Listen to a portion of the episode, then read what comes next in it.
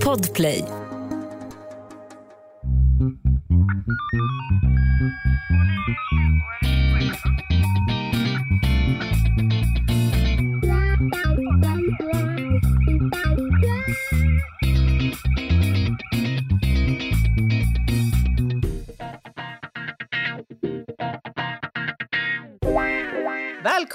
Till krimpoddarnas krimpodd över min döda kropp med mig, Anna Jinghede. Och Lena Ljungdahl. ja, Idag ska vi upp i luften, Anna, och Åh! prata polisflyget. vad härligt. Jag älskar att vara uppe i luften. Älskar du att vara uppe i luften? Nej, det Nej. gör jag icke. Det gör jag icke. Men jag älskar att lyssna på människor som älskar att vara uppe i luften. Ja, det gör man. Det gör man. Och det är gott nog Det är coola denna. människor. Är de inte lite coola? Eller Jo, är det att jag tycker det är men- coolt med liksom uniformen? Är det det där jag går igång på lite? Ja, Men är du inte lite så här uh, Top Gun-torsk? Jo, det är- Du känns som en sån brud. Jo, jo, jo, jo. för tusen. Ja, ja, ja, det Ja. kunde man ju se. Ja. Ja, Ja, så jag har det. inte sett filmen ens, så att jag ska inte uttala mig. Men är det något annat du vill avhandla innan vi går in på ämnet?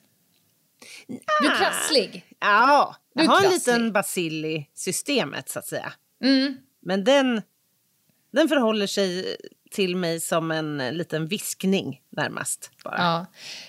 Du har varit med om värre baciller än så det har jag. Det har jag. Jajamän. Jajamän. Ja. Nej, men vi, det är ett, ett, ett, en packat, ett packat avsnitt, mycket information och framförallt en spännande intervju med en, en eh, pilot. Mm. Och sen så kan det eh, kanske vara så att jag har ett... Det pockar på.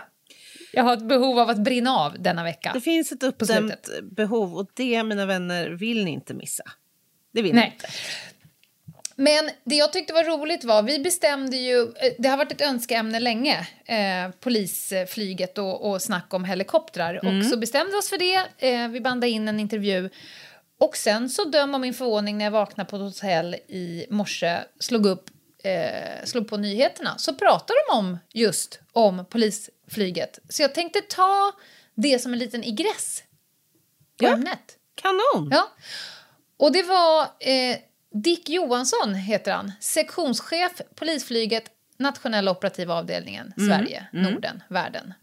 Ehm, det kom lite fakta. De gör ungefär 3000 uppdrag per år. Eh, fler av oss ser polishelikoptrarna oftare därför att de blir mer och mer involverade Men i till exempel Vänta, arbetet vänta, vänta. kring... vänta. 3000 uppdrag! Ja, Det är jättemånga uppdrag. det är jättemånga uppdrag. Verkligen. Mm. Och Det ändå, kan man väl bara konstatera. Ja, det var ju väldigt förvånande måste jag säga. Mm. Det är inte jätteofta då- man ser polisflyget uppe i luften. Trots allt. Nej, kanske inte alla deras uppdrag är eh, flygtimme.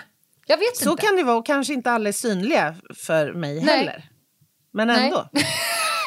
det var jätteförvånande om du såg samtliga 3000. Ja, det var kanske inte så jag tänkte Lena Ljungdahl. Jag tänkte Då att de hade jag ju undrat om du kanske har en liten foliehatt på ditt huvud. Nu är de här igen. Det var trist. Ja, nej, men eh, de hjälper till i, i kampen mot gängkriminaliteten. eh, Mm, såklart. jagar gärningspersoner, avbryter skjutningar och så vidare. Men jobbar även brottsförebyggande. Och sen kom det lite siffror som jag... Jag skulle inte säga att jag reagerar starkt på dem, men det kostar ju en hel del att hålla helikoptrarna uppe i luften. det kan kostar närmare bestämt 18 000 kronor per flygtimme.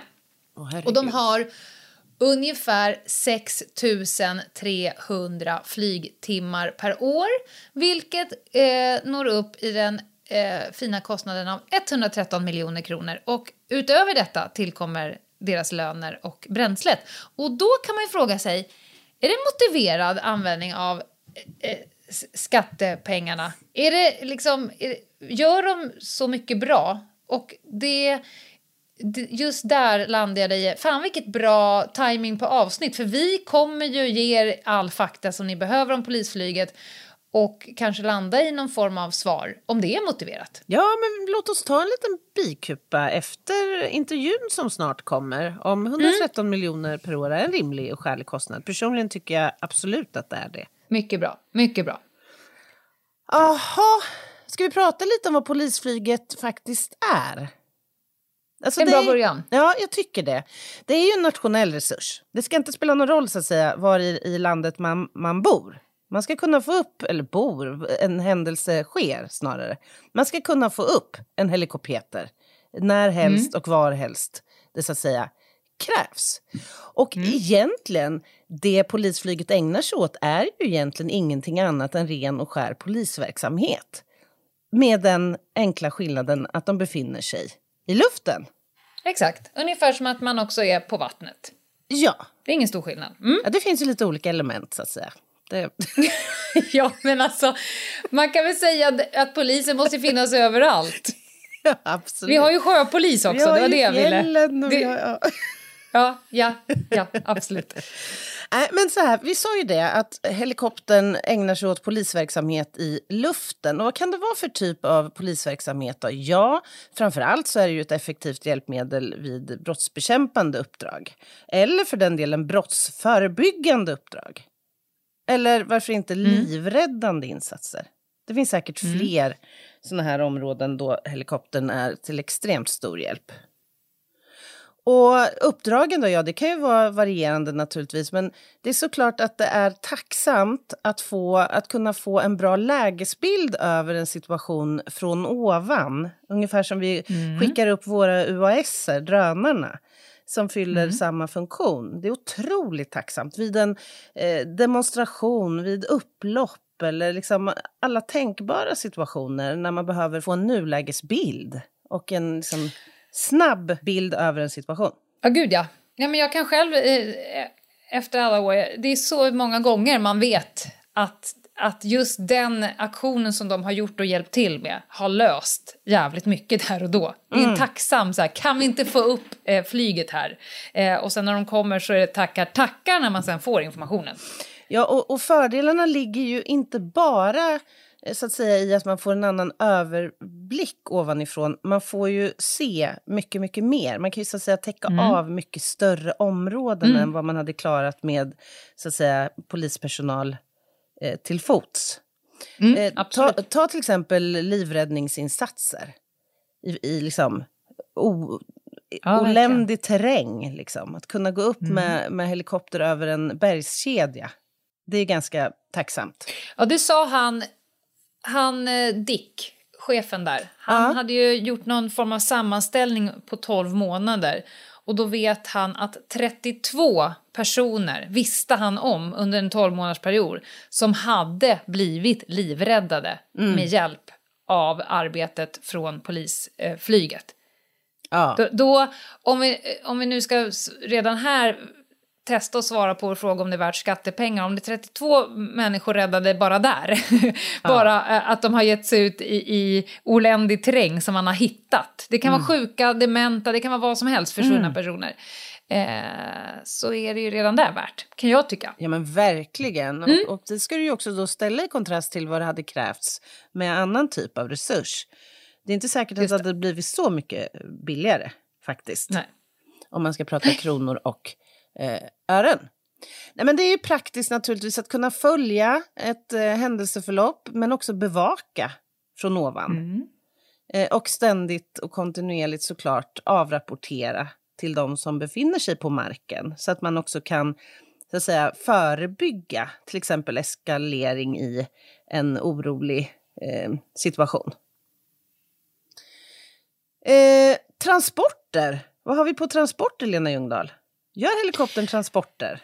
Transportuppdrag? Ja, det gör de. Eh, fraktar eh, prylar, varor, personal, eh, utrustning som måste fram och så vidare. Och utan att avslöja för mycket så kommer ni höra i slutet på eh, intervjun då med en av piloterna vad, han, vad som stod högst upp på hans önskelista. Det är lite på det här temat. Jag kan ju nämna bara som en liten parentes att det händer att kriminaltekniker behöver färdas eh, medelst helikopter till eh, mm. brottsplatser mm. som ligger antingen väldigt, väldigt långt norrut eller är svåra att ta sig till på annat sätt. Mm. Och det är ju toppen. Då blir man ju glad och, och nästan lite pirr i magen. Det är ju det är så att säga roligt att få åka helikopter. Men det finns en, ja. det finns en uppenbar eh, nackdel med att färdas på detta sätt. Det är då när man mm. kommer med sina Cordura-väskor. Med utrustningen mm. så att säga, som man då tycker sig behöva ha med för att kunna utföra uppdraget. Och mm. piloten bara no, no, no, no, no. Du får ta med fingeravtryckspenseln, kameran och ett anteckningsblock ungefär. oh, att säga det till Anna Jinghede, det är som att säga så här, du får välja ett av dina tre barn. ja. De andra får vi tyvärr låta ja. förgås. Ja, ja, ja, ja, ja. Ta den du tycker mest om. Ja, och då, då blir det ju, ja. får man klunsa. Du får köra upp 50 mil, rätt upp i ja. Nordkalotten. Jag åker gärna helikopter. Ja, är så Med olika. min lilla pensel i bröstfickan. Är så ja. olika det där. Ja. Eh, sen är, finns ju fördelar med eh, helikoptrarna och det är ju att de kan ju faktiskt välja om de vill jobba synligt, vilket kan mm. ha många eh, positiva effekter och vinster. Synlighet är ju liksom ett det är väl ändå ett nyckelord för svensk polisverksamhet, synlighet. Absolut, och det pratade de mycket om i den här newsflashen som kom i morse. Eh, det brottsförebyggande arbetet som man kanske inte tänker på. Att de har avvärjt eh, skottloss genom att bara sin blotta uppenbarelse har de fått stopp på händelseförlopp eller fått folk på andra tankar. Mm. Eh, genom synlighet. Det är bra. Men de kan ju mm. också bedriva eh, spaning från luften.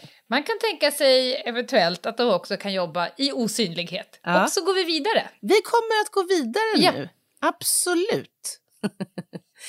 eh, en annan bra sak att känna till är att helikoptern, liksom all annan polisresurs, är tillgänglig dygnet runt.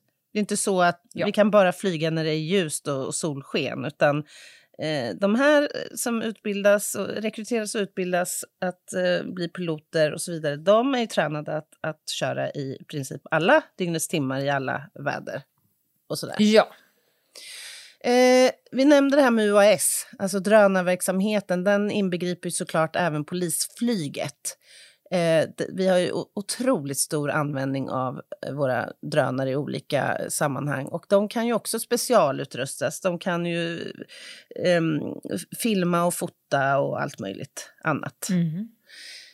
Och samverkan måste vi väl ändå säga någonting om innan vi lämnar över ordet till, till eh, ditt Jag tror att det blir en jättebra brygga. Ja. För att det pratar han rätt mycket om. Hur mycket, man måste gilla samverka om man jobbar på polisflyget. För att de är ju ändå där uppe, så att säga.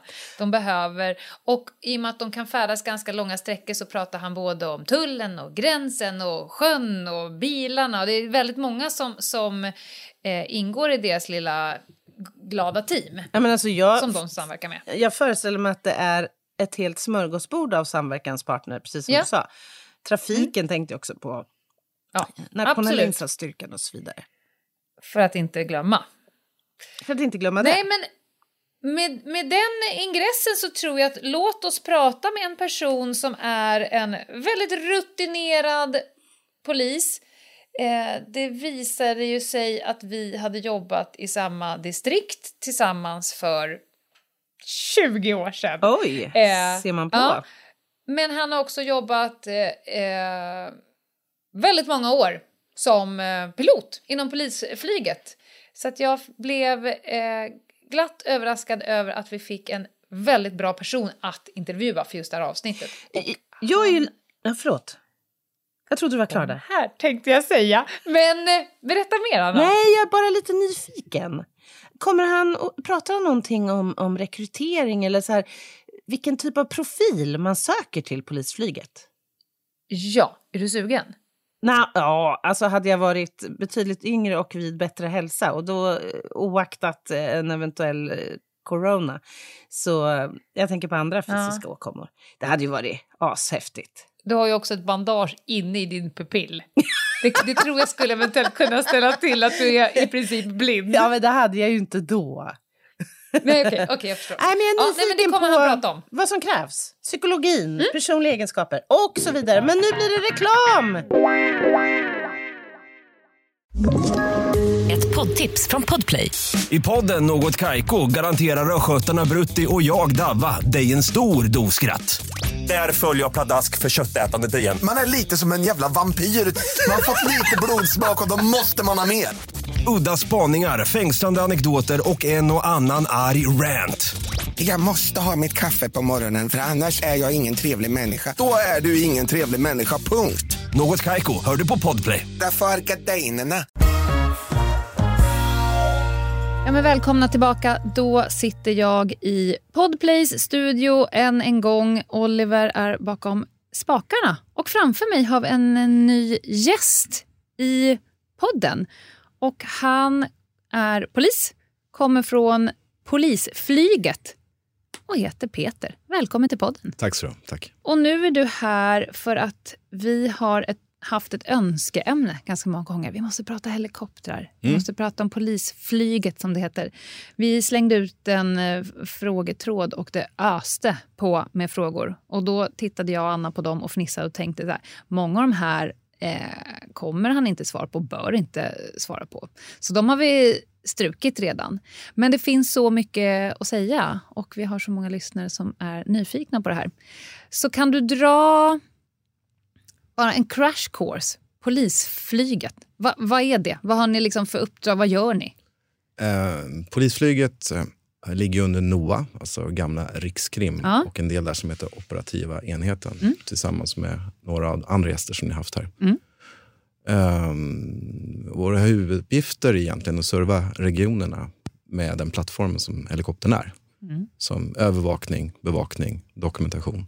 Mm. Sen skiftar det väl lite i landet då, när det är mera övervakningsplattformar, de södra baseringarna medan man oftare landar och ingriper kanske i de nordligare. Okay. Det har ju med tätheten på radiobilar att göra. Ja, exakt, det får bli ni istället för att det, ja, det, det tar för många tim timmar med att komma dit med en bil. Ja, men, ja, men mm. precis. Okay. Men täcker ni hela Sverige, ja. dygnets alla timmar? Uh, nej, inte riktigt. Nej. Det gör vi inte. Men hela Sverige ska jag säga. Det är från eh, Boden och Östersund i norr då, ja. till Stockholm, Göteborg och Malmö har vi baseringar. Ja. Och du tillhör? Stockholm. Stockholm. Mm. Mm. Ja, men då har vi ringat in er. Och för att jobba på polisflyget, jag som då som gammal polis, det går ju skrönor om hur otroligt kluriga tester där man gör någonting med ena foten, någonting med andra foten, pillar på olika knappar samtidigt som någon sitter och kastar typ krocketklot på en. Så där tänkte jag också. Ja. Men sen, eh, jag var första polisen innan jag började inom flyget och då satt en lapp i, utanför utsättningsrummet där det stod mm. söker piloter det där måste jag ju prova. Jag mm. hade mhm. inga som helst ambitioner på att klara testerna. Men på något sätt så lyckades jag lura mig igenom systemet. Så, så det, man vet inte innan om man kan eller behärskar testerna. Och De är ju uppbyggda så att man kommer att misslyckas någonstans på vägen. Ja. Så svårighetsgraden ökar. Jag är inte så insatt Nej. i rekryteringen. Men lite som broms undan manöver. Det ska släppa till slut för man ska se var den bortre gränsen går. Ja, precis. Men så gäller det att hitta tråden igen lite grann. Mm. Jag, rätt. jag ska inte uttala mig mer om det. Men, men, man vet inte innan vem som fixar eller inte. Då. Nej. Ja. Som vi har en, eh, eller vi har ju, jag vet att vi har rätt mycket poliser som lyssnar och de ja. är sugna. Då, då ja. hävdar du att du vet inte om du, är du sugen så testa. Absolut. Det är väl det är väl lite stolthet också. Man vill ju inte bli eh, bortvald och missa Nej. kanske. Det var det åtminstone för mig. Ja. Men man måste prova ja. åtminstone. Och vi skulle gärna se att fler söker så vi får större urval. Då, ja, våra, just det. Ja, absolut. Ja, man vill ju ha de bäst lämpade. Ja, och som det, det är poliser då, som kan söka. Ja. Det, ja. Så alla hos er är poliser? Ja. Är alla hos er också piloter? Nej. Nej. Nej. Eh, sen, om det är 20, 2008 någonting, så har vi också anställt operatörer, så kallade TFO, Tactical mm. Flight Operator. De sköter alltså alla system ombord. De flyger inte med spak som piloter, men det är värmekameran, det är radion, eh, all annan kommunikation med marken, strålkastare och sånt där. Det är deras uppgift. Mm. Mm. Okej, okay. men de är också poliser? Ja. Ja, ja men det är, så att säga, även där behöver man ju vara team. Ja, det är många olika saker som ska skötas samtidigt. Ja, absolut. Mm. Det här med att vara i luften. Ja. Det känns som att antingen är man dragen till det eller så är man det inte. Var, var det en, du sökte ju ändå Ja, jo, pilot. visst. Jo, visst närde man en liten dröm om att flyga som liten, Ja. som många andra. Mm. Så det här var chansen. Men jag hade aldrig eh, gått eh, till pilotjobbet eh, på den civila marknaden. Nej, istället för... Nej. Polis var... Äh, polis var ändå det jag ville som liten. Sen Mm. råkade det bli flyget. Då. Ja. Men fortfarande polis i hjärtat. Ja. Men nu har du varit där ganska länge. Eh, ja, flyget var 20 år i år. Ja. Då verkar du trivas. Ja, ja, det är jättebra. Det är absolut. jättebra. Ja, vad kul. Jaha, och ni lyder då under NOA, nationella operativa avdelningen. Och eh, jag, jag vet att det är en otroligt dålig fråga till alla typer av eh, ingripande verksamhet. Men den här vanliga arbetsdagen, den finns ju kanske inte. Men det finns ju ändå saker som är återkommande upp här. Hur, hur, hur går en arbetsdag till för dig? Du vaknar upp på morgonen, tar din ostmacka Ja, och sen åker du till jobbet. Vad händer under en, en arbetsdag? Ja, eh, det som alla baseringar har det är ju eh, en tekniker som tittar till helikoptern Mm. så att den är luftvärdig och säker. Sen har vi som på alla andra platser en utsättning där vi bemannar helikoptern, går igenom händelser som kanske skett under natten som berör mitt pass eller vårt pass. Ja. Och sen besätter vi den, eh, kollar igenom utrustningen, tankar upp om inte det är gjort och drar ut och är startklara. Sen är det vad dagen erbjuder. Ibland har man jobb som ligger vid någon försvunnen som man bör fortsätta leta efter under dagtid. Exakt, något som spiller över Ja, på ditt arbetsplats. det, ja. det händer ju. Eller så kommer det in bara larmsamtal eller att man är över och kör allmän övervakning över regionen som man är satt att Ja. jobba i. Det händer ju också. Så, så ni är liksom uppe och flyger lite förutsättningslöst? Ungefär Ja, som nej. man åker polisbil, man bara trålar runt? Ja, vi har ju eh, allmän övervakning kallar vi det för. Ja. Så då kan man ju kartlägga när det är mer intressant än andra tider och Just platser och sådana saker givetvis. Men det har vi också. Mm. Men ofta så är det beställda jobb eller rena larmutryckningar förstås. Mm. Så vi behöver passa radion som vilken polis som helst. Just det. Mm. Ja, för du är fortfarande polis. Ja. Saknar du... Jag tänker att det är liksom mindre kontakt med allmänheten när du är uppe i luften. Eh, eh, sk- Skulle du kunna byxa och skriva en, en fortkörningsbok? Ah, eh, tveksamt Ja, faktiskt. tvek på den. ja, vi har hunnit förlora alla behörigheter alla system. Ja. Så häromdagen fick jag skriva ett PM på ett vanligt Word-dokument. ja. Så det är väldigt sällan. Operatörerna kanske är lite vassare på det. Ja. Men saknar du liksom kontakten Jo, med, med, med det vi älskar att kalla allmänheten? Ja, men det, det gör jag faktiskt. Ja. Man kommer ju bara ihåg det bra. Det finns ju jobbigare situationer också Ja. med, med de människor man möter. Då. Men Ja. Mm. jo, det gör jag. Och därför vi kanske när vi väl landar och träffar folk att vi är väldigt pratsjuka. Ja, men det kan ju inte de ha något så jättemycket emot. Nej, Alla vill väl så- prata med en polispilot. Ja, så kanske det är. Ja, men det, roligt det i är lite som eh, ryttarna brukar säga. Ja. När vi väl har tid så eh, hästen och deras jobb drar ju rätt mycket Ja, uppmärksamhet Ja, men det är och intresse. Ja. Okej, men, men om du skulle ta några av de typerna av uppdrag ni gör. Jag, jag förstår absolut att ni gör saker som absolut inte ska pratas om. Mm. Men, men ehm, om jag drar några ur hatten. Att leta efter försvunna personer. Ja. Det måste vara återkommande. Ja, det är nog eh, hela nationellt sett det vi lägger mest flygtid på Ja. per år. För det Okej. försvinner folk eh, när som helst och var som helst och hur som helst. Så det letar vi mycket. Faktiskt. Det är en av våra huvuduppgifter. Ja. faktiskt.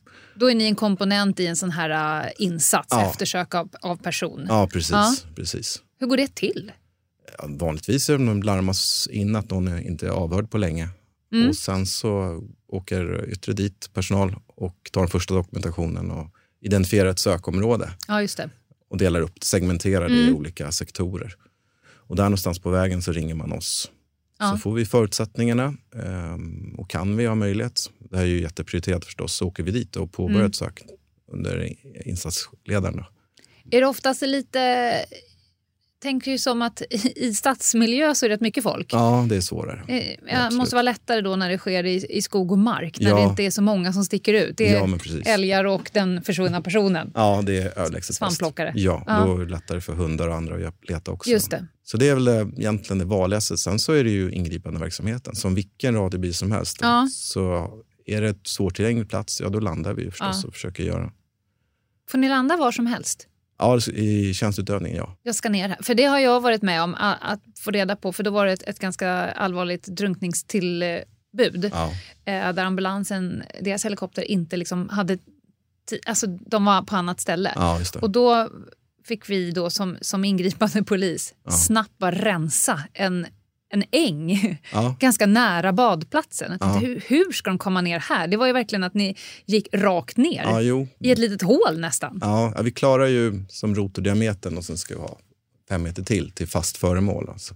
Så att det ska vara cirka 20 meter stort, då, men då är det tajt. Ja, då, då är det tajt. Sen så får man ta hänsyn till, det blåser ju och bullrar en hel del så att det är roddbåtar och tvätt och tält och sånt där. Det kan flyga iväg. Ja, man blåsa. blir belästrad av sand. Ja, man vill inte förstöra om man inte måste. Nej. Men är det räddningstjänst då är det, då tutar vi och kör. Ja. Ta så mycket hänsyn vi bara kan. Ja. Så får man lösa det efteråt så länge vi kan hjälpa mm. personen som ligger då till. Mm. Och ingripande verksamhet sa du som en vanlig utryckning. Mm. Eh, och det kan jag ju tänka är lite olika saker. Det kan vara allt från att jaga flyende fordon ja. eller personer till, som springer till fots. Ja. Vi har fått en fråga, så här, vad gör ni när ni står helt still över ett område? För det sprids ju också i de sociala medierna. Nu står de och hovrar över. Vad händer där? Ja, det kan vara massor med orsaker. Ja. Kan det vara. Ett, om det är här till exempel över Stockholm så har ju de publicerade väntlägen, alltså om det är trafik på Bromma som startar och landar, mm. så kan vi behöva vänta en stund innan vi får korsa och gå söder eller norrut. Av banan och det är helt enkelt kö upp i luftrummet? Ja, precis. Ja, okay. Ett sånt är vid Älvsjömässan och ett annat vid Järva krog. Så där kanske vi kan stå still lite grann. Men mm. numera så hovrar vi inte i samma utsträckning. Vi behöver inte det helt enkelt för våra sensorer är så pass eh, bra så att vi behöver inte stå still. Vad menar du med våra sensorer? Alltså kameror och liknande. Ah, okay. ja, så det finns inget sånt behov längre. Och dessutom så är det mera bränsleekonomiskt att ta lite fart framåt. Så vi ligger gärna och kurvar istället. Ah, okay. Men vi hovrar också om vi stannar ah. upp och tittar en kort stund och sen går vi vidare. Ja. Så ni har fått liksom teknisk utveckling som gör att ni inte att, att man ändrar sitt beteende? Ja, det är ganska vanligt. Ja. Mm. Ja, eh, så ingripande verksamhet, eh, eftersök av person. Blir ni anspråkstagna för, eh, säg branden i Västerås? Alltså ja. även natur... Absolut. Ja. Det var väl eh, ett antal år sedan så brann det rätt ordentligt i skogarna. Så då får vi åka dit. Inte att släcka, Nej. utan eh, hjälpa räddningsledaren att identifiera spridningen och utbredningen. Och kanske placeringar av släckbilar och sånt där och var närmsta vattensjö finns så de kan dra slang. Ja. Och sen så ibland flytta utrustning också. Jag hör eh, att ni samverkar en del. Ja, massor. Ja. vilka är era liksom, största samverkanspartners? Det är regionerna. Ah, okay. ja, absolut. Men även med andra myndigheter. Då. Mm. Allt från Tullverket till Naturvårdsverket. Mm. Eller ja, gränsövervakning sköter vi också. Mm. Till viss del i alla fall. Så det är ganska brett spektra med det vi håller på med. Hur, hur, stor del av din arbetstid är du i luften? Ja, det är inte så mycket Nej. faktiskt. Det är det inte. Men är man på linjerna som man bemannar helikoptern så, så kanske mellan två och fyra timmar per dag i snitt. Sen kan det bli mer eller mindre. Vi, är väldigt, vi kan ju vara begränsade av väder till exempel. Om det är riktigt dåligt väder då får vi helt enkelt inte flyga. Mm. Måste ni göra någonting för att jag kan ingenting om pilotbranschen. Nej. Måste du hålla liv i dina licenser? Har ni tester? Ja, det har vi. Okay. Det är väldigt eh, kontroll och utbildningstätt. Mm. Så vi gör i alla fall, man gör ett, det kallas för proficiency check. Mm. Det gör man en gång om året ja. för den profil man flyger i. Och vi har två olika huvudprofiler där det är visuell flygning eller instrumentflygning. Visuell är det när man ser marken ute och flyger. Instrument är när man går upp i moln och ska vara lite längre bort kanske. Okay. Så det är två stycken checker. Eh, sen så utöver det så ska vi prövas i den roll vi har som piloter. Man kanske vinschar mm. till exempel. Då ska man göra en OPC på det momentet. Vi flyger med såna här eh, night vision goggles. Ja. Då ska det testas en gång om året. Ja. Så det är, sen har vi egen träning förstås när det är möjlighet. Ja. Eh, och sen går man till flygläkaren beroende på ålder, en till två gånger per år. Så det är, det är mycket, Ju äldre desto oftare? Ja, efter 40 så är det två gånger per år som pilot. Okej. Okay. Då gör du två gånger per år? Ja, det är rätt. ja, men, det, men det är ju ingen jättestor skillnad från poliser på marken. Man ska ju damma av aspen och det, det ska skjutas ja. kompetensprov. Ja, det gör vi också, ja. utöver. Mm. Mm. Mm. Så det är mycket av det vi håller på med på dagen. Men, men eh, sen är det besatta linjen först och främst. Då. Vad betyder det? Alltså vara beredd att åka på jobb. Mm. Det är prioriterat. Ja. Men viss utbildning måste vi göra ja. för att kunna arbeta. Ja. Enligt eh, civila regelverket som ja, vi följer. Men det handlar ju om säkerhet Absolut. och uthållighet. Absolut. Finns det någonting ni gör som folk inte vet om? Det finns det ju såklart och det kommer du inte berätta. Men, men är, finns det någonting eh, som du tror att människor inte vet att ni faktiskt också håller på med som inte är hemligt? Ja, alltså vi har ju naturvårdsövervakning, alltså jaktbrott kan man ju fauna. Om någon eh, muddrar ut en hamn i skärgården så ja. kanske till med det. Um, vi kan hjälpa till med stora evenemang för trafiköverblick och såna ja, saker. men det är men vanligt vid eskort och så här, då ser man ju en helikopter ja, ligga ja. upp över området. Ja, precis. Eller Vasaloppet eller Svenska rallyt. Och ja. sånt Då har vi en roll. Ja. Eh, vi hjälper till med något som heter Frontex som är EUs gränsövervakning, yttre gräns. Mm. Och då har alla medlemsländer en plikt att biträda vid den. Då. Mm. Och vi har ju som Sverige har ingen direkt sån, men däremot så finns det ju i Grekland, och Spanien och Italien. Då. Mm. Så där får polisflyget emellanåt åka ner och biträda i gränsövervakningen. Ja, ni jobbar internationellt också? Ja, ja, det händer. Ja. Okej. Okay. Mm. Är det kul? Ja, men det är roligt. Det är det absolut. Det är utvecklande om inte annat som ja. pilot och få prova att flyga i andra luftrum och ja. med andra medarbetare. Så det händer. Så vi pratar lite om, om luftrummet. Mm. Det är, för mig är det ungefär som under vattenytan. Det ja. pågår ett liv ja. som man inte riktigt tänker på. Förutom Nej. att man tittar upp så här, nu, nu ja, det var ambulansen eller det var någon annan. Ja, jo. Eh, vi pratar mycket radio just för att hålla oss främst separerade från annan andra flygplan och helikoptrar. Och luftrummen i sig, man kan säga att varje, alla flygplatser har en egen kontrollzon ja. runt flygplatsen. Och ja. Nu jobbar jag i Stockholm, så då tar jag exemplet Bromma. Den ja. kontrollzonen sträcker sig från Bosön på Lidingö Aha. ner till Vårby backe i sydväst. Ja. Och Älta i sydost Mm. och nordväst så är det mm, uppåt, eh, vad heter det? Järfälla. Där. Ja. Så det är ganska stort. Innanför det då bestämmer tornet, flygledartornet på Bromma, okay. hur och var vi kan flyga. Mm. Sen kan man ju begära prioritet. Men det är inte så ofta vi behöver det, men det händer.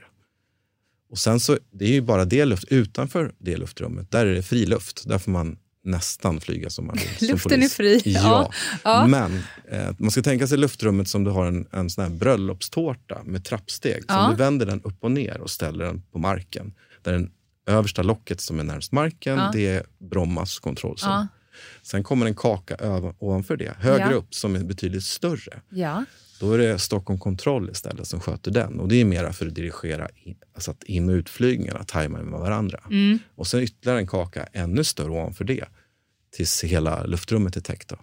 Mm. Det ska ju koordineras med kanske inflygningarna till Arlanda Just det. eller om det är någon brådskande transport till Bromma eller till Mm. något sjukhus eller något sånt där, så måste vi ta hänsyn till det. Så det är mycket prat i radio. Och ibland så upprättar vi ju så kallade restriktionsområden i luften när det är en pågående insats som vi inte vill bli störda Mm. av vare sig nyhetshelikoptrar Nu äger vi eller... den här tårtbiten. Ja, det ja. händer ju ibland också. Och de publiceras på nätet, så alla som är i flygbranschen de vet vad de ska leta för att hitta de här. Ja, Okej. Ja, men vad spännande, för det, det är ju så man tänker. Fan, det blir inte kö där uppe någon gång? Och vem bestämmer? Om, om, om ni och ambulanshelikoptern är på väg liksom, till samma område, Ja. vem har förtur? ja, det är från fall till fall skulle Ja. jag säga. Men är de på väg, då har de högst troligt någon de verkligen behöver plocka upp. Mm. Så då kommer vi släppa före dem. Mm. Vi kan ju fortfarande se, vi kan ju separera oss själva, prata med dem, men då stiger vi till 2000 fot. Då. Mm. Kan ni prata direkt från helikopter till Ja, helikopter? absolut, vanlig flygradio. Mm. Så kan vi separera oss inbördes då. Och det är den här fria luften. Just Sen det. när vi är inne i kontrollzon, då tar vi en dialog med... Då styr med, de Ja, tornet. yes. Jaha, och så är ni där uppe i luften. Ja. Vad händer om det går dåligt? Vi har fått superintressanta frågor. Ja, har du fallskärm på dig ifall det är skit? Har du katapultstol? Nej, ingenting sånt. Inget sånt? Alls. Det vi har är... Vad är plan B om när det skiter sig? Aha. Det har räddningsutrustning. Det har, vi har en flytväst med en liten luftflaska. Så hamnar vi i vatten så Ja. kan vi åtminstone evakuera och få Okej. lite luft. Mm. Men annars så, planen är, vi har ju två motorer på helikoptern. Så är den händelse att en skulle stanna så kan vi i de allra, allra flesta fall flyga vidare och landa säkert. Okej. Ja, om Mm. vi inte är proppfulla och precis ovanför marken. Men då sjunker man bara ner till marken och landar. Ja, just det. Så det är den säkerheten har. Mm. Skulle båda motorerna stanna så kan man ju autorotera, heter det. Mhm. Alltså man sjunker ner mot marken och den strömvind som uppstår mot helikoptern kommer hålla rotorn igång på fullt varv. Mhm. Och så när man väl närmar sig marken så blir det ja, grovt uttryck, man tänker som man dämpar en fotboll på foten, sen kommer man ja, just det. upp den lite ja. Det gör jag med stigspaken, att jag använder det varvet jag har och bromsar upp sjunket. Man har ju en chans, för Mm. Ja. rotorvarvet kommer ju sjunka då, Ja. förstås, och försöka och tajma det snyggt så man landar. Så gäller det bara att sikta på något billigt, eller i alla fall en landningsbar yta. Men vi övar mycket på det här. Ja. Ja. Men, eh, Det är som att öva nöduppstigning när man dyker. i, ja, precis. Eh, men vi har de här motorerna som sitter i helikoptern nu. Har vi nog flugit en bit över 100 000 timmar med Mm. totalt sett. Och de har aldrig stannat, inte ens varit nära en enda gång. Så skiter det sig, då är det högst troligt någonting som har tokat till sig bakom spakarna. Utan knasig bedömning helt enkelt. Det är Ja, det absolut vanligaste. Ja.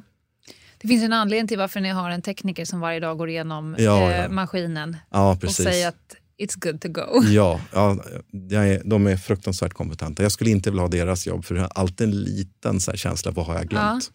Men de är fruktansvärt kompetenta. Det är typiskt sånt jobb man har checklista på. Ja, det har de. Man ja, har de en dålig dag. Ja, de har mycket rutiner för att bygga Ja. bort såna här mänskliga faktorn. Ja, vad härligt. Mm. Jaha, då har vi gått igenom liksom säkerhetsläget. Väder då? Väder, vind? Ja. Eh, finns det så här, nej, vi kan inte lyfta. Jo, men det gör det. Absolut. Eh, för att flyga överhuvudtaget så är det en förutsättning att se marken och se lite framför sig. Så det som styr det är själva molntäckeshöjden. Sikten, ja. Ja, och det är lite beroende på hur länge man har flugit. Om man flugit så länge som jag, då har man med nuvarande regler egentligen inga begränsningar när det gäller sikt. Men det är svårt att göra ett jobb om jag inte ser marken. Då, blir, då gör vi ingen nytta. Då ligger vi mest och pumpar luft och dånar. Så det beror lite på vad det är för angelägenhetsgrad och vad det är för typ av jobb som avgör om, om vi går. Så om vi måste ligga på 100 meter, så där, då, då ser vi inte speciellt långt. Att vi kan Nej. inte jobba dolt heller. Nej. Men är det angelägen transporten så, här, så kan vi nog genomföra den. Men det har som sagt beroende på erfarenhet också, vad man får flyga för väder. Det vi inte flyger i, det är om det är isbildning. Alltså det är fukt som är minusgrader i moln till exempel, eller underkylt regn. Just det. det i sig fastnar ju på helikopterns bärande och lyftande delar.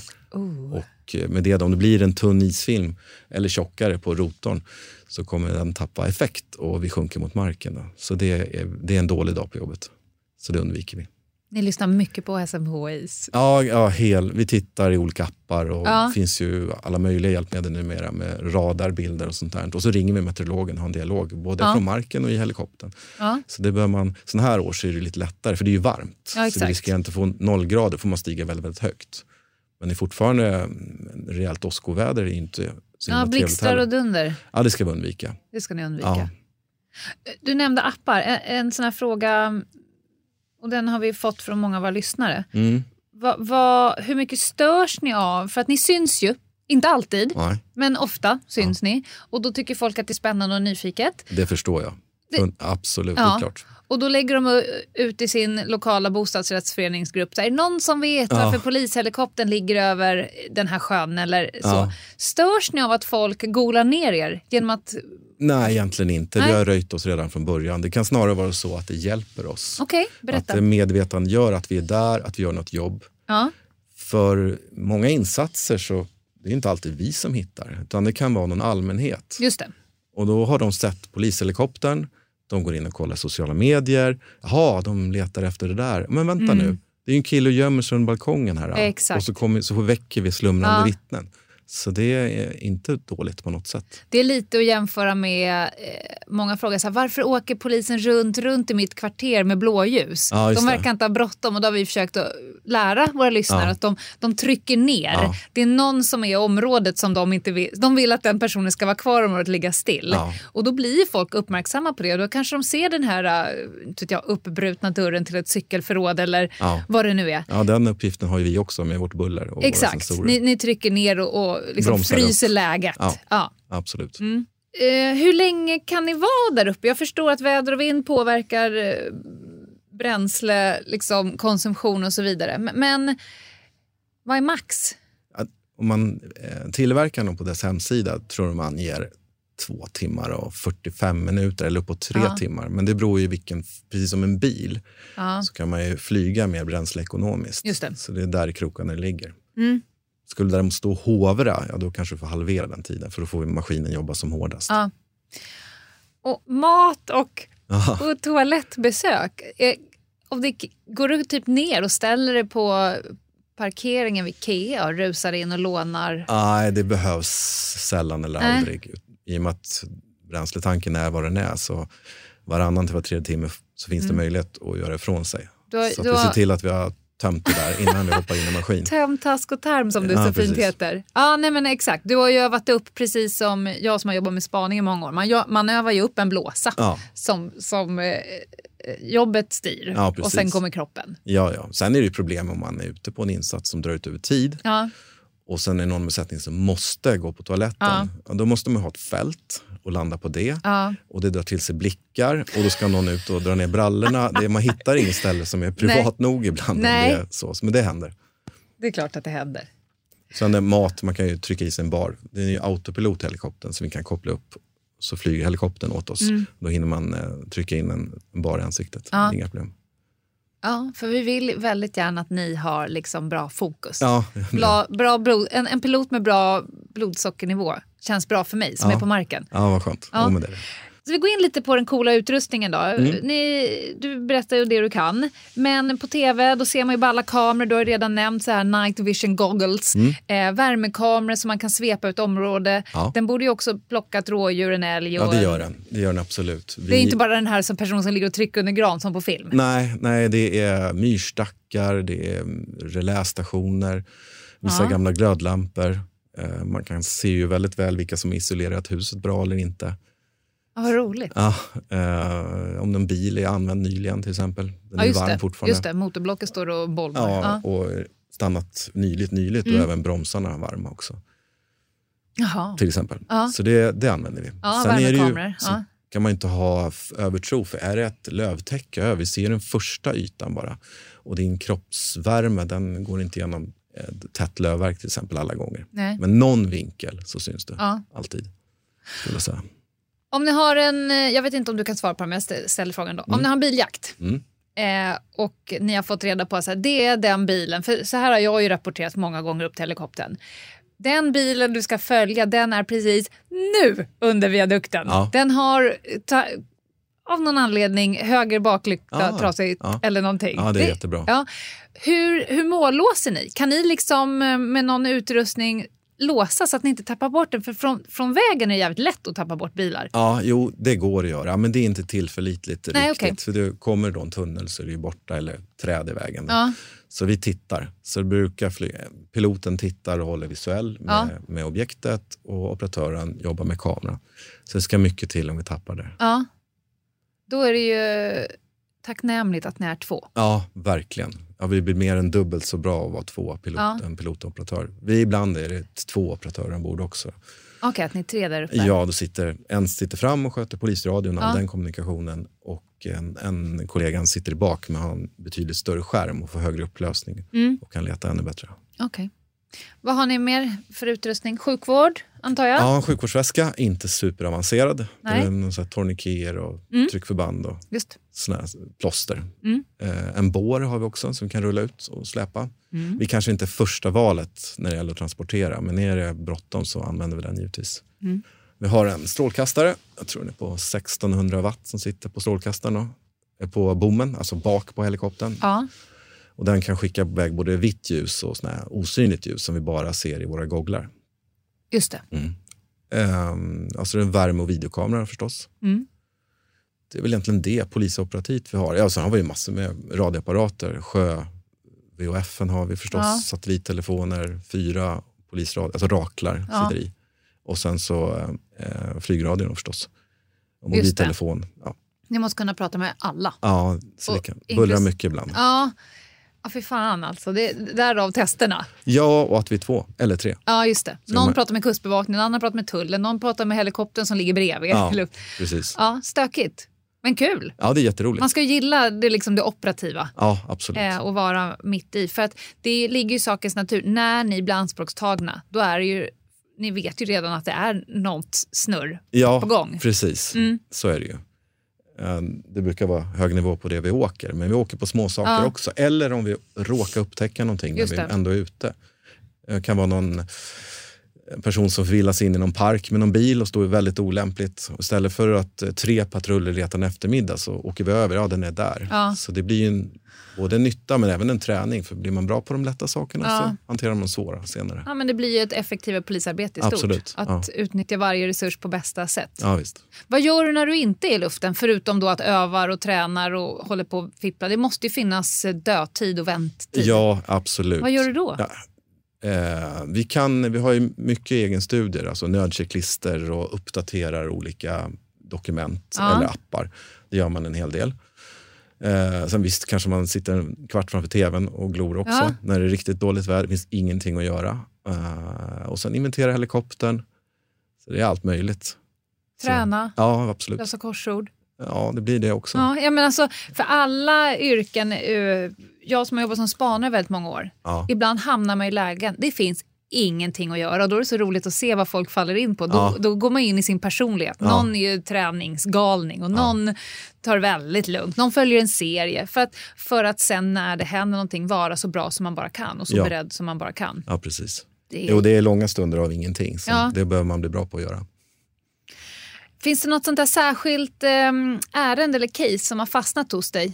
Något Ja, vi, kul, spännande, läskigt? Jo, alltså, den förstod man att den skulle komma. Och det roliga är att när man jobbar ett tag så man kommer inte ihåg någonting. Nej, jag vet. Det, Det blir ett är- mischmasch av alltihopa. Oftast är det någon liten detalj som Ja. egentligen inte är särskilt uppseendeväckande. Där och då jättekul, Ja. inte så kul återge. Men, Nej.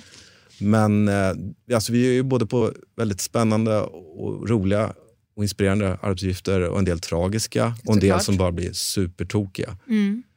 Eh, och kombination av det som jag kommer ihåg, det var väl... Eh, vi skulle leta efter en ensamseglare i Stockholms skärgård Mhm. sommar för ett antal år sedan. Och det här har varit eh, stormigt som tusan den helgen. Och det här var en van seglare, så det var inga konstigheter. Man sa jag ska ut och segla över helgen. Och det var han skulle vara ungefär. Mm. Jag hör av mig när jag kommer hem. Mm. Men då hade anhöriga blivit oroliga och började leta och han svarade inte. Så tänker jag att någonting har ju hänt förstås. Det. Så då skickas vi och letar efter den där i tänkt sötområde och letar som tusan. Hittar inte, det var en stor segelbåt. Jag tänkte säga, hur, hur svårt ska det vara att hitta en Ja, segelbåt nej, men det- i ett område? Vi letar och letar Ja. och så till slut så då hittar vi segelbåten. Men då ligger den 500 meter söderut i en grannhamn till hemmahamnen. Okej. Och då visar det sig att eh, den här ensamseglaren, han hade seglat till bryggan intill och sen tagit Tackar, en charter tackar. till Mallorca istället utan att tala om någonting för sina släktingar. Kanske med någon som man inte skulle vara med där. Känner jag Ja, spontant. Ja, jag vet inte. Ja, nej. Men det var ju jobbigt läge. Så det, det är sånt som kan hända och bli tokigt. Att rapportera att vi har hittat den. Den Ja. är på grannbryggan. Ja, ja, precis. Sen så, det blir mycket skärgård här, men vi var letade efter, det var två hantverkare som har fått lånat en båt av sin chef efter Ja. ett lyckat arbete. Ja. Skulle ut och fiska, hade bra utrustning, räddningsdräkter och givit sig iväg neråt Nynäshamnshållet. Och vi letar tillsammans med eh, Kustbevakning, Sjöfartsverket, Mm. alla var där. Sen så ser jag en liten ö med en, det är någonting som blänker på den. Jag vet att kollegorna från man har varit där och letat men Mm. inte sett någonting. Så vad är det där för någonting? Så flyger fram och tittar och då är det en sån här fågelskyddsområdesskylt som sitter på en del öar som, Mm. som man ska undvika. Dem. Och så tittar jag på den där, så precis intill och ser jag en kropp, eller min operatör ser en kropp som ligger på sidan i fosterställning och lyckas vinka med en hand. Mhm. Vad fantastiskt. Så vi går in för landning, spanar av ön, ser, de skulle vara två. Och ser Ja. inte två, hur mycket vi än letar. Så vi landar bredvid. Men hinner tänka en del. Ja, ja, gud ja. Ja. Absolut. Eh, Vi ser båten också ligger och Ja. skvalpar mot några stenar. Går ner och landar och förstår att han är rejält nedkyld. Så jag står kvar för att se om han är, kan gå till helikoptern eller måste stänga av innan vi lastar honom. Men nu ser då kollegan lyckas få den här mannen på fötter. Och medan jag sitter och stirrar åt hans håll bankar det något fruktansvärt på helikoptern och så vänder jag mig om en 80 grader. Där står en person, ser ut som ett monster och tittar in i helikoptern. Jag höll ju på att göra en bralla. på dig. Ja, då hade han legat i en... Det var den andra killen. Han Ja. hade då gömt sig eller vindskydd i en klippskreva. Ja. Och på grund av nedkylning och eh, tjocka kläder så syntes han inte så bra i värmekameran. Så vi, han hittade oss istället. Då. Så lastade vi in dem och, och åker till Och då stod han då på, vad heter det, de här som vi har? Skiddarna. Skiddarna. Ja, det, det kan han mycket väl ha gjort. Och dunkade på rutan. Ja, så jag var hyfsat Hjälp. överraskad. Ja. Så vi lastar in dem där. Två jättetrevliga killar. Ja. Sa jag är bra att bli räddad. Jag ska betala skatt hela nästa år på grund av det här. Så. Ah. det är på tiden. Men gud, vad hade hänt? Uh, de hade nog, jag vet faktiskt inte, men de hade tagit in vatten och, eller de gått på grund bara inte kunde ta sig därifrån. Jag, jag vet faktiskt inte. Ja, men bra jobb. Ja, det måste kul. kännas bra. Ja, det var en jättebra dag på jobbet. Ja. High five på den. Såklart. Ja. Så det, är- det är lite alla möjliga jobb. Sen har polisflyget har ju funnits i 60 år så det, det är ju många tokigheter som är preskriberade sedan länge som Ja. har förekommit också. Som kanske inte jag har varit med om, men det är fortfarande en bra historia. Berätta någon tokighet som du har hört talas Ja, om. jo absolut. Eh, det här är jättelänge sedan. Eh, det var på den tiden polisflyget flög en helikopter som heter Bell 47. Mm. Om man kan någonting om ABBA så på deras skivomslag The Arrival så sitter de i en sån här, det är som en plexiglasbubbla bara Ja. med tunna dörrar. Och, Mm. Så de ska gå ner och landa i skogen, två kollegor. På, precis på väg ner så öppnar bisittaren dörren, kliver ut. Då ser piloten en jättestor älg som reser sig upp ur ett buskage Ja. och ser fientligt inställd ut. Han blir livrädd ja. och börjar stiga haskt för att undvika den här älgkon, tror jag det var, och ska flyga iväg. När han väl har stigit en bit, då upptäcker han att kollegan står fortfarande kvar utanför helikoptern. Med och älgen? Nej, står på den här skiddarna och Ah. håller det här lilla, lilla handtaget och flyger på utsidan. Han har alltså inte hunnit kliva av på marken utan flyger med. Så det var ju bara sakta ner farten, mjukt och Det är fint. som en James Ja, ja Bond-film. visst. visst. Förstå stressen. Men det gick bra. Man bara, håll i dig Gunnar, Ja, jag ska precis. försöka gå ner någonstans här. Exakt. Jaha. Ja, men det är ju... Det är ju ingen slump att i alla såna här James Bond, Mission Impossible, Bourne så är det ju oftast ett, ett element av eh, luftrum Ja, med. ja, ja. Och det kravlas alltid, det hängs under de här skiddarna som du kallar Ja. dem, eller som de heter uppenbarligen. Det, det, det hängs ju oftast utanpå. Ja. Eh, är det, finns, det någon, finns det någon taktik? Ha, övar ni liksom på olika coola saker från... Nej, från, ingenting som... Nej. Nej, absolut inte. Det, det får Annie hålla på med, hålla på och kravla runt och Ja. repellera och Precis. greja. Nej, vi gör inte någonting Nej. sånt. Eh, nej. Nej. nej. Mer jobb, jag vet inte. Man klantar sig ibland också. Det kan jag stå för själv. Ja. Det var en, eh, en kille som har gått vilse i jag tror Sävja, söder om Uppsala. Ganska stort skogsområde Ja. och jag och en kollega flyger dit. Och det, är, det är rätt runt, men det är säkert fem kilometer diameter. Så vi börjar titta med värmekameran där och mitt i området så är det några kampar som har tänt en eld. Så där. Ja, men det är en bra referenspunkt så börjar vi leta därifrån och vi höll på i säkert en timme. Tills vi inser att det är den vi letar efter som har tänt elden för att bli hittad. Och så har vi letat en timme helt i onödan. Ja, så där blir det ibland tokigt. Ja men vad fan. Ja, det är sånt. Det är ingen sånt skada händer. skedde. Det gick bra. kan säga, du och jag, när du klev in i rummet så sa jag så här, det har jag sett förut. Mm. Och så visade det sig att vi båda jobbade i söderort. Ja, det. eh, millenniumskiftet där Ja, någonstans. Det är bara att konstatera att när man har hållit på med någonting tillräckligt länge, Ja. då har man ju på sitt konto gånger man har gjort bort sig fullständigt, Ja. eh, gånger där man varit ett jävla geni. där, man, alltså, där, man, där man faktiskt, här, när man går och lägger sig på kvällen, bara klappar sig lite på axeln och bara, ja.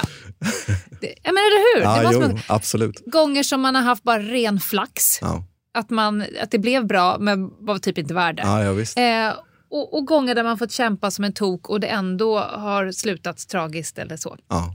Det är det som absolut. är att hålla på inom det här verket. Det var väl också tjusningen med det, antar jag. Ja. Blir ni tajta med era kollegor? ja, det är vi ju. Vi jobbar ju inte så här supermånga som har Nej. på varandra, så det hinner man bli. Ja, Absolut. ni är lite det- samma gäng som Ja, roterar på... ja precis. Vi, jobb, vi kan ju flytta mellan baserna Mm. Ja. ibland också om det finns sådana behov. Mm. Men vi känner varandra i för och efternamn. Och, Mm. och så gott samarbete är ju en förutsättning för ett bra arbete givetvis. Som med alla andra poliser. Som med alla andra. Mm. Jag ska avsluta med två frågor som vi alltid avslutar med. Mm. Finns det någonting som du önskar dig? Det kan vara en ny lag, det kan vara eh, pryttlar. Dröm fritt. För om du skulle så få skriva ett brev till eh, polisflyget jultomten. Ja. Finns det någonting som du önskar som skulle kunna göra ditt eh, jobb eller samhälle? Va, vad ser du? Ah, ja, för att önska fritt skulle Ja. jag önska mm, kanske två stora tunga helikoptrar för att transportera fler människor som tål isbildning. Ja, okej. Det skulle stå högst på min. en ny typ av maskin Ja, som klarar kallare väder och fler folk Ja. i Mm. Och sen att den är utrustad med, med en sorts radar som kan detektera eh, åskoväder och regnskurar, alltså en väderradar. Sätt på mm. den så det, blir, det skulle vara en bra jul. Ja. Är det, finns det, är det liksom en utopi, jag kan ingenting om det här. Är det en utopi eller är det liksom tio år bort till att du har den? Ja, det beror det är lite hur samhällsutvecklingen ser ut. Ja. Här, drönarna blir ju mer och mer potenta, ja. kommer kunna ersätta oss många och har redan börjat kring fotbollsmatcher. Slipper ja, vi stå och dåna, utan det löser drönarna. Så våra arbetsuppgifter kanske kommer förändras lite grann. Att vi blir mer en plattform. En räddningstjänst givetvis, men person, personalbefordran och utrustning också. Så vi får se. Ja. Apropå drönarna, mm. ställer de till det för er? De är ju också ja. i luftrummet. Jo, det händer. Det, men eh, vi, våra kollegor som är också på plats är det normalt sett inga som helst problem med. Nej. Men vi är ju helt vi är ju mycket mer medvetna om att det finns drönare där ute som är ute och flyger. Och filmar er kanske, där uppe? Ja, det gör de säkert. Eller vad de nu fotar. ja. Men ett tag så var det rätt mycket drönare. Då fick ju Bromma larm och då stängde de ju hela luftrummet. Just det. Mm. Då fick vi gå in någon gång. Då var det en pilot på vad det nu var, Malmö Aviation som hade sett en mm. gul drönare ovanför Djurgården. Mm. Så vi får komma in då, och letar som tusen. Gul drönare har jag aldrig hört talas om. Så, så, så, ungefär på väg Nacka ungefär. Mm. Då träffade vi på svampbob fyrkant i form av en sån heliumballong som de trodde var en drönare. så vi eskorterade ut svampbob. Sköt ni ner den? Nej, vi, det, blåste, det blåste västliga vindar så han blåste ut i skärgården och då kunde vi se ja. att luftrummet var tomt. Bye bye. Ja. Ja. Och eh, sista frågan då. Har du något medskick till alla våra lyssnare? Någonting ja. som du vill skicka med? Ja, gärna. Vi lägger ju massor med tid på att leta folk som har försvunnit, mm. som vill bli hittade ska vi tilläggas. Just det. De allra flesta kommer ju också tillbaka. Ja, ja. ja, och vi har ju teknik för att hitta folk förstås, men det skulle ju underlätta väldigt mycket om man som personligen kan jag rekommendera att skaffa någon app, till exempel SOS-appen. Mm. Har man den så kan man med några enkla knapptryckningar bli lokaliserad många av de här smartphonesen har ju eh, inbyggda sådana funktioner. iPhone är man trycker fyra gånger på snabbt på hem, så skickar de den där. Mm. Men läs på lite ja. så skulle vi rädda fler liv fortare. Vi lägger upp det i avsnittstexten och tipsar extra om det. Perfekt. Den har vi varit inne på flera gånger tidigare. Ja, ja, du ser. Eh, kopplat till terrorhotet och så vidare. Ja. Ibland vill du eh, signalera din plats till de som ska göra sitt jobb för att hitta dig. Mm, precis. Tack snälla Peter för att du kom till podden. Det var så Tack själv. Ett poddtips från Podplay. I fallen jag aldrig glömmer djupdyker Hasse Aro i arbetet bakom några av Sveriges mest uppseendeväckande brottsutredningar går vi in med hemlig telefonavlyssning och, och då upplever vi att vi får en total förändring av hans beteende. Vad är det som händer nu? Vem är det som läcker? Och så säger han att jag är kriminell, jag har varit kriminell i hela mitt liv men att mörda ett barn, där går min gräns. Nya säsongen av Fallen jag aldrig glömmer på Podplay. Välkomna tillbaka. Ni lyssnar på Över min döda kropp. Det är alltså krimpoddarnas krimpodd för er som inte känner till det. Och det är avsnitt, vad har vi Lena? 323 va? Tre. Ja, ja låg... så långt har vi kommit. Mm, det låg bra i, i mun. Du, ja. eh, wow! Får man, får, man, eh, får man göra om? Får man så att säga, kan man få byta yrkesinriktning vid den här åldern? Är jag helt körd? Ja, men jag, jag, ja, ja det är du. det är du verkligen. eh, men för att vara en person som inte eh, har särskilt mycket till övers för att vara i luften. Jag är lite flygrädd. Ja, just eh, det. Är. Ja. Och, men, men eh, när jag har lyssnat på honom och när vi satt där och pratade så tänkte jag fan undrar om inte det hade varit det perfekta jobbet för mig. Man är ju på behörigt avstånd från folk. Ja. Behöver ja. inte hålla på och tjena tjenare och bankomaten ligger hitåt och du vet. Nej, nej, nej. Men det är också de lite tusentals metrarna vy. du ska upp, det är inget Ja, som... nej det är det. Det är det alltså. Men man får ju ändå utsikten tycker jag, så det kanske kan väga Nej men det är djup respekt eh, för jobbet de gör. Det är inte alltid det kul.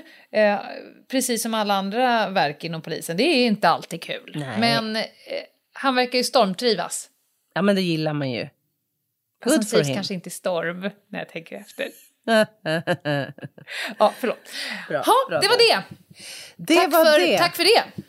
Tack för det. Bra intervju, Lena. Eh, och du, du ruvar på rövhatt, förstår jag. Ja. Ja. ja. Ja. Mm. Den, kommer, den kommer vi att få ta del av alldeles strax. Men först, har ja. vi något på samhällsinfoavdelningen som bör ut? Nej, inte mer än det vanliga skulle jag säga. Ljungdahl och Ginghede på Instagram är väl den bästa... Eh, det är väl dit man behöver gå för att få information i livet. Mm, det skulle jag säga. Det är väl Ljungdahl och Ginghede först och sen kanske MSB. Det är en bra sida också att ha lite koll på. ja, det är de två. Ja, det, det är jättebra. Och sen har vi en mejladress. Mm. Den eh, heter... Eh, hej att ljungdahloginghede.se. Det är lika bra att jag säger det, ja. för du har inte fått till det. Hej att ljungdahloginghede.se. Där kan ni eh, Gotta er. ställa frågor eller höra av er på något sätt. Det vi faktiskt också kan nämna är ju att idag är ju torsdag. Och det är Nymo-torsdag. Just det! Så pila gärna in Nymo om ni ligger före, om ni lyssnar före typ 10 30 eller något. Det är då vi mm. brukar få lite tid i rutan så att säga. Airtime. Lite airtime. Mm. Mm. mm. Ja men gör det. Och det, annars så ligger säkert klippet i efterhand på vårt Instagram. Så då är vi där igen. Jajamän. Men mm. du, kom igen nu. Ja. Ge oss den bara. Ja. Rövhatten. Lenas rövhatt. Ja, Anna. Jag har varit så arg sista dagarna. Du nej. vet precis vad den här rövhatten kommer Ja, åh nej! Ja.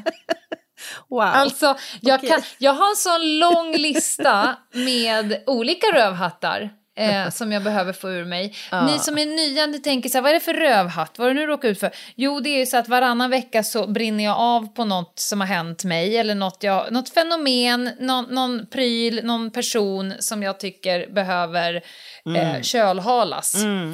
Eh, och varannan vecka så kommer Anna ge er en oumbärlig lista över någonting som hon har funderat på. Mm. Och nu är det rövhattsvecka.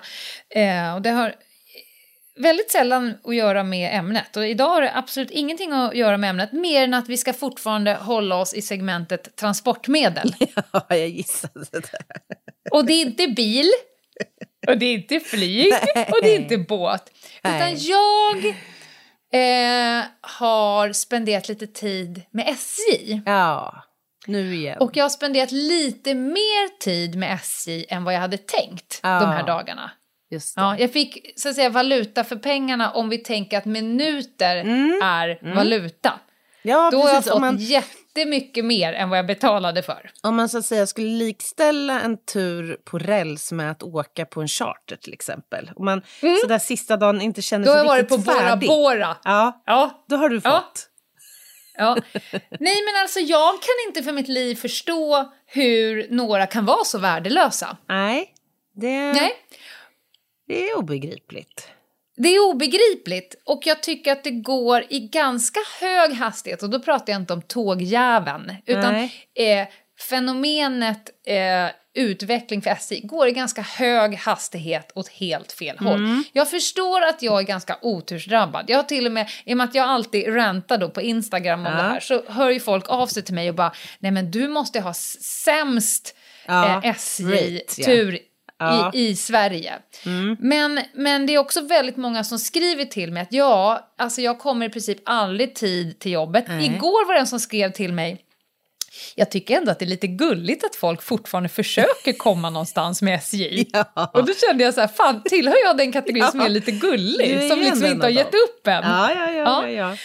Nej men och, och, och, jag ska inte uppehålla mig med det här med att det är liksom löv på spåren, det är för mycket regn, för mycket snö, för mycket vind, för mycket, det är alltid för mycket av någonting. Mm. Eh, som gör mm. att nej tyvärr, det är liksom en minusgrad, vi kan inte åka. Mm. Det är tre löv på spåret, vi kan inte åka.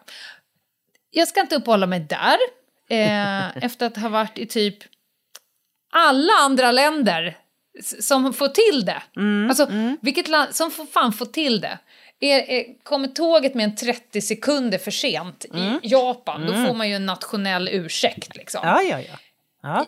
I, I SJ ska man vara glad om man inte blir eh, lynchad Jag, jag kliver av tåget och har fortfarande mina armar och ben på mig. Jag är fan nöjd. Sen att jag är en vecka sen, det är ändå så här... Och 20 mil från destinationen, mitt i natten. Exakt! Jag sitter på en buss från Herrljunga, men jag ska inte vara här. Men vi är ändå, vi är ändå på väg åt något håll. Vi är i rörelse. Nej men alltså jag kan inte förstå hur det kan vara så jävla svårt. Och när jag säger det här nu, nu har redan folk börjat skriva mejl till mig så här, det är inte alltid SJs fel, det kan vara Banverket eller det kan vara så här, ja Absolut, ni kan skita att skicka de mejlen till mig. För jag ser det så här. Ja. Jag ser det så här. Om jag betalar för en tjänst, mm. oavsett vad det är, det kan vara städning hemma, mm. det kan vara att någon ska laga mina skor, byta sulor, mm. det kan vara att jag går och får massage. Mm. Om jag betalar för en tjänst, vara produkt, då är det den personen som tar mina pengar. Just det, just det. Ja. Det är de som jag kommer ha ett problem med om jag inte får tjänsten. Ja. Sen om de har tio underleverantörer eller eh, konsulter eller mm. att den här eh, skomakaren skickar min sko åt något annat håll. Och de, jag har fortfarande problem med den som tog mina pengar. Ja, ja, ja. ja om den inte levererar varan. Så det där köper jag inte. Det är SJ som tar mina pengar. Det är också SJ som inte lämnar tillbaka mina pengar när de inte har levererat varan. Men det är varan. nästan det värsta tycker jag i allt det här. Lyssna på det här nu Anna. Ja. Jag sitter på ett tåg, jag ska byta i Örebro. Mm, ja, jag är det. i mm. dina domäner. Mm. Och med hundraprocentigt utfall så är det ju försenat. Ja. Det kan vara så här, vi skulle precis åka men vi glömde att vi behövde ett lok och loket mm. står på spår tre innanför tåget som mm. ska gå om en timme. Just så vi måste vänta tyvärr till det tåget har gått så vi får ut ett lok så ja, vi kan ja. häkta på här så vi kan åka. Det kan vara lite olika saker. Ja, Men man är i alla fall aldrig i tid. Nej. Jag kommer då till Örebro 35 minuter för sent. Ja. Då går jag in på, äh, på SJs hemsida och då är det så här, alltså är, är det mindre än en timme för sent, då är det i tid. ja, och jag säger, ja fast nej, i tid är det väl ändå inte? Det är väl ändå att ta i lite va? Ja, men under en timme, då kan du tänka att du är fuckad bara. Men alltså, då tänkte jag så här. Vad är det? Jag hade ju köpt en biljett till slutdestinationen ja. och den var Nora. Mm. Och när jag kommer till Örebro 35 minuter för sent, mm. då är min anslutning, då är den redan gått. Uh -uh. Den står inte och väntar på Lena. Nej, den den tänker inte. bye bye. Uh. Och nästa anslutning mm. går om över en timme. Ja. Vilket betyder att jag till slutdestinationen är mer ja. än 60 minuter försenad eftersom jag missade min anslutning. Ja. Så då söker jag upp de här tre personerna som sitter på lång rad utanför toan, som det står SJ på, ja. tågvärdarna. Ja. Säger så här, jag kommer behöva ta en taxi från Örebro till Nora, för jag har en tid att passa. Mm. Jag har bokat ett tåg som i god tid, med god marginal, ja. är på min plats där jag ska vara. Eh, det kommer jag inte vara nu, så jag kommer behöva en taxi. Det är 400 pers som sitter och väntar på mig, ish. Ja. Mm. Och då säger hon så här, ja, men det tycker jag att du ska göra. Ja, men då tänkte jag, vi, vi har något på gång ah, här nu du och jag. Här, vi pratar ja. samma språk ja. Vi pratar samma språk. Mm. Men det kommer inte SJ ersätta. Nej. Varför inte det? För jag har ju köpt en tjänst här nu som ni inte levererar. Så jag vill ha tillbaka mina pengar. Ja. Som bonus hade det varit toppen om ni också hade betalat taxin. Men det, ja. det, Nej, men det, alltså, det fattar jag. Det, det kan man ju se sig själv i stjärnorna efter. Men jag kunde åtminstone få tillbaka mina pengar för resan som ni inte gav mig. Mm. Nej, säger hon, vi är bara 35 minuter sena.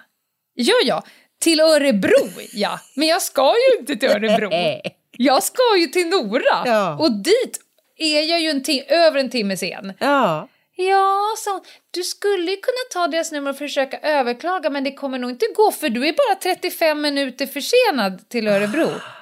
Ja, fast jag har ju missat nästa, nej, så att säga, alltså. anslutning. Ja, nej, den anslutningen är ju inte, det är ju inte SJ, utan då var det någon sån här lokal ja. grej. Ja, fast, Såklart. fast jag har ju köpt biljetten på din hemsida, sj.se, och så tryckte jag Stockholm till Nora och ja. har gett pengarna till SJ. Ja. Alltså det här kan... Nej, nej, det är nej, det är bara... bedrövligt dåligt. Nej men alltså det är så odugligt. Kommer aldrig fram. Och, det, och nu har det börjat bli så här, nej men jag måste åka kvällen innan. Jag måste räkna med minst, Ja, ja. liksom. Det är alltid Skövde, någonstans Skövde, Herrljunga. Det skiter sig alltid. Mm. Så man måste, jag måste betala en extra hotellnatt. Jag måste vara ett dygn borta från mitt hem fast jag egentligen inte behöver Nej, det. Jag kan bara åka sjukt. dit, jobba och åka hem. Men det Helt går sjukt. inte.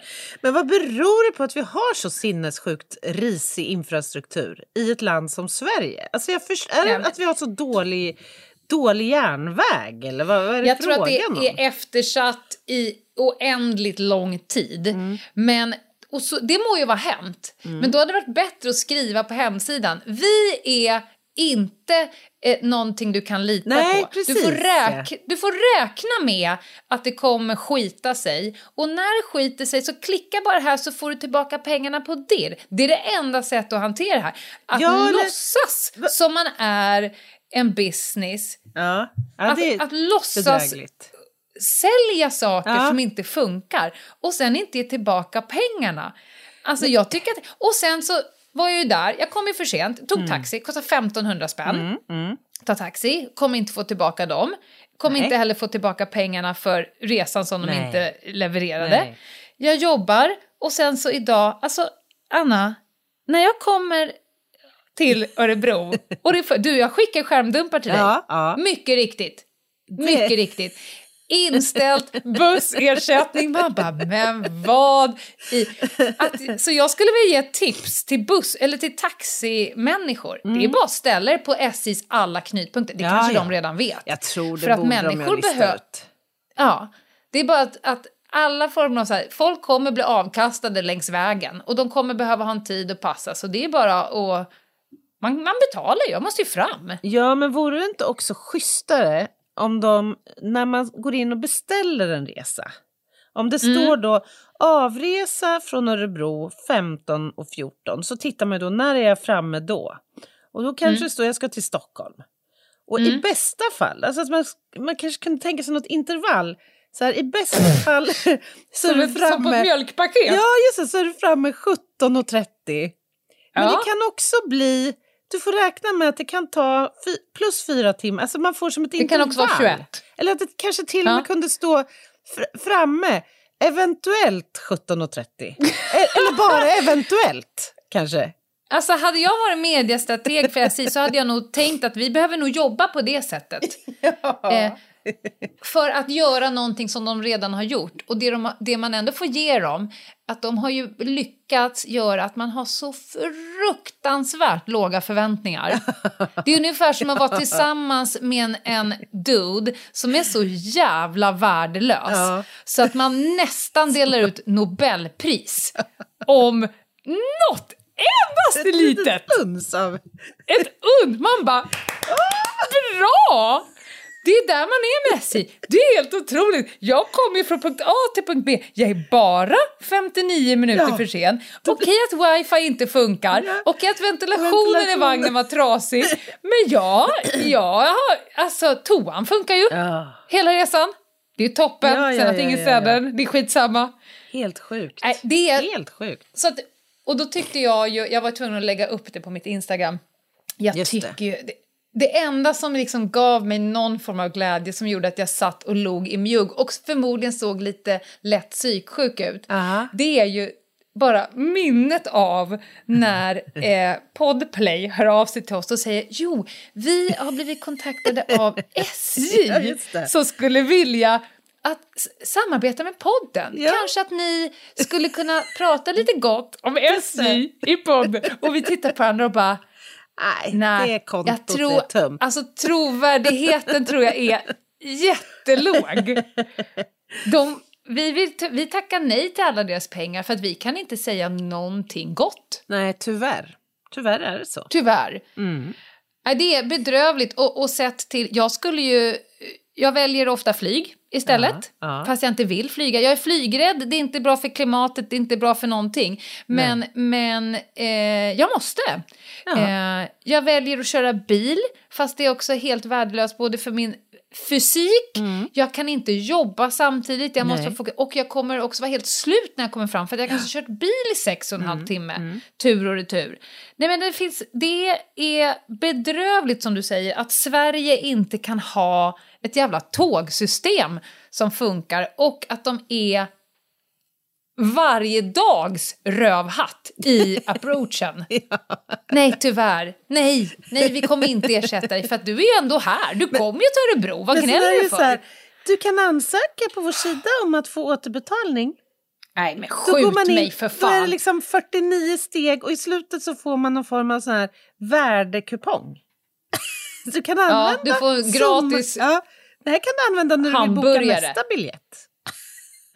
Nej men alltså jag försökte ju, jag satt ja. ju på, på i taxin och så försökte jag gå in och då, ja men sök din resa och då tänkte jag, då, ändå anno 2023, då borde ju SJs, när jag loggar in på min sida så borde ju SJ där veta att jag köpte en biljett till en resa som inte blev av. Ja. Den är, och då klickar jag in så här, ja du har gjort den här resan, den blev inte av. Och så kommer det upp så här, bing! Du kan tyvärr inte begära ersättning för denna resa som ännu inte är genomförd. Det är lite därför jag hör av mig. Just det. Ditt jävla orpon. Vilket jävla moment 22. Alltså, åh! åh. Du gick ju aldrig Så på bussen som gick en och en halv timme senare. alltså jag funderar på att köra SJ varannan vecka nu för resten av året. Jag oh. kommer ha content för tio rövhattar till för det här jävla Oj. SJ AB baklänges bajs. Tack, Tack för mig.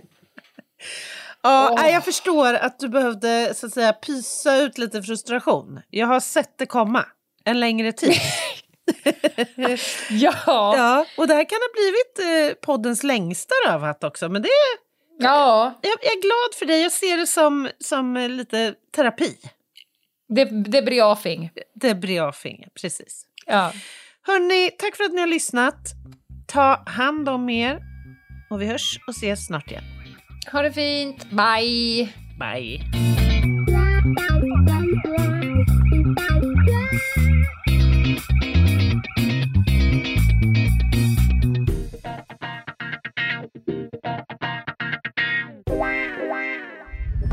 Podplay, en del av Power Media. Ett poddtips från Podplay.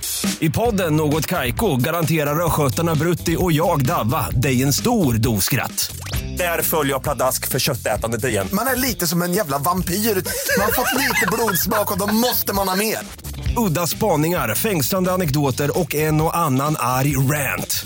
Jag måste ha mitt kaffe på morgonen för annars är jag ingen trevlig människa. Då är du ingen trevlig människa, punkt. Något kajko, hör du på podplay. Därför är gardinerna.